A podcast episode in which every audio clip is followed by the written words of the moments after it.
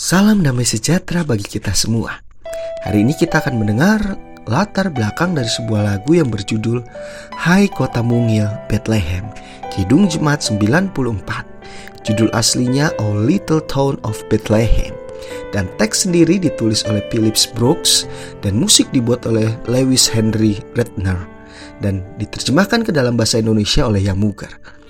Saudaraku, Hai Kota Mungil Bethlehem adalah salah satu lagu yang sering dilantunkan di saat-saat kita merayakan Natal.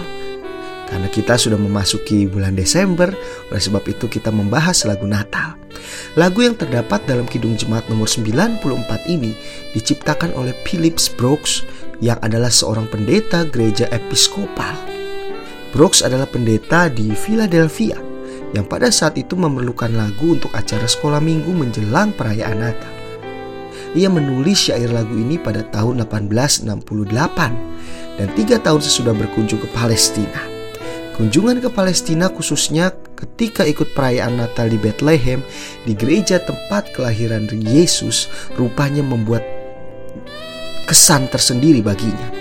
Kenangan itulah yang melahirkan syair lagu Hai Kota Mungil Bethlehem ketika Brooks diminta menulisnya. Ia memberikan satu salinan kepada Redner, pemain organ di gereja itu dan minta dibuatkan melodi yang cocok untuk anak-anak sekolah minggu.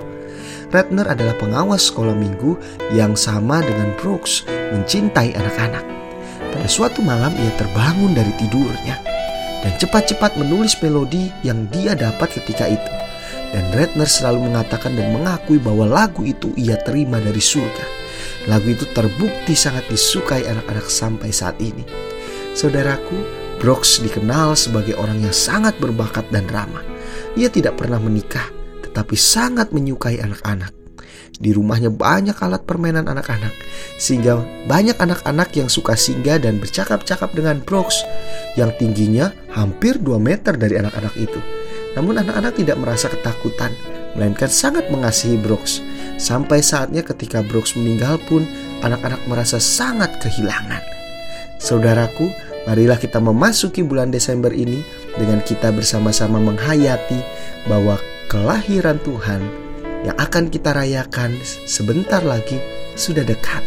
Marilah kita mempersiapkan hati dan diri kita sepenuhnya. Tetaplah semangat, tetaplah tersenyum, tetaplah bersyukur. The Lord bless you and keep you.